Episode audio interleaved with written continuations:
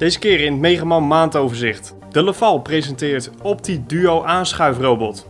Achco stopt met Lely-merk in 2020 en 15 meter brede SIP-MAI combinatie in Nederland.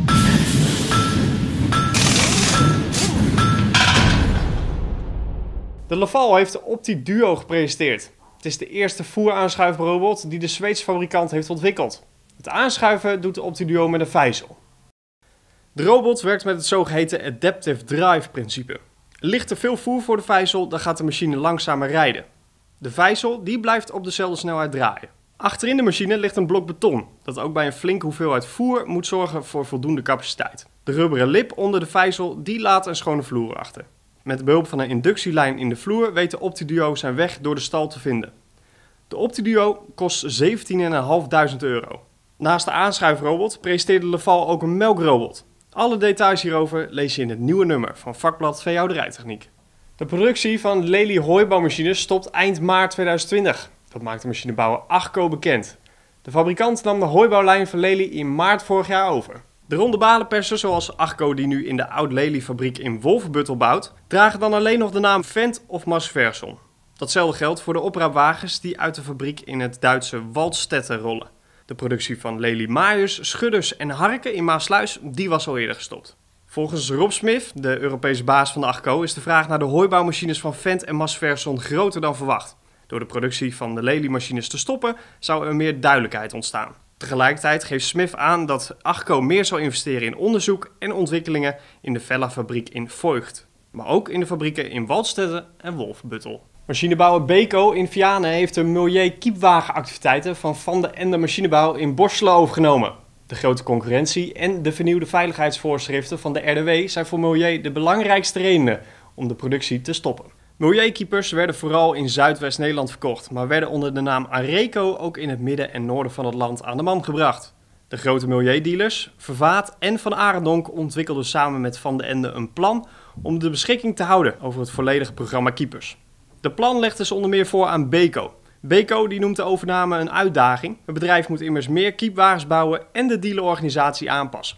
Toch meent Beko een goede deal gesloten te hebben. De dekkingsgraad van het merk wordt groter en dealers zullen wagens op voorraad houden.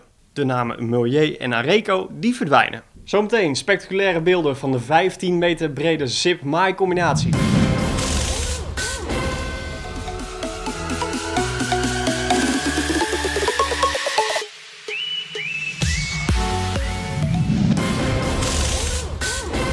Machinefabrikant Ego introduceert een nieuw rugharnas waaraan je de accu van je machine kunt bevestigen. Via een snoer met adapter verbind je de accu met de machine. Dankzij de adapter ontlast je grotendeels je armspieren. Het gewicht van de accu hoef je immers niet meer te tillen. Megagroep, de importeur van Fendt, Masverson, Valtra en Vella, die gaat niet naar Agrotechniek Holland. Deelname aan deze landbouwmechanisatiebeurs past volgens Megagroep niet in de strategie van het bedrijf. Verder vindt Megagroep de beurs te duur, gezien het aantal geïnteresseerde bezoekers. De Nederlandse trekkerverkoop doet het goed ten opzichte van vorig jaar. In april werden er 268 nieuwe trekkers verkocht. Dat zijn er 29 meer dan in 2017.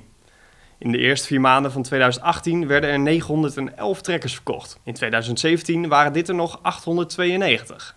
En dan nog dit. Vorig jaar was de machine al te zien op Agritechnica in Hannover. En nu is de SIP Silvercut Disc TFC te zien in Nederland. Deze maaicombinatie valt op door zijn grote werkbreedte van maar liefst 15 meter. Deze maaicombinatie bestaat uit vijf schijvenmaaiers, waarvan de eentje in de fronthef hangt.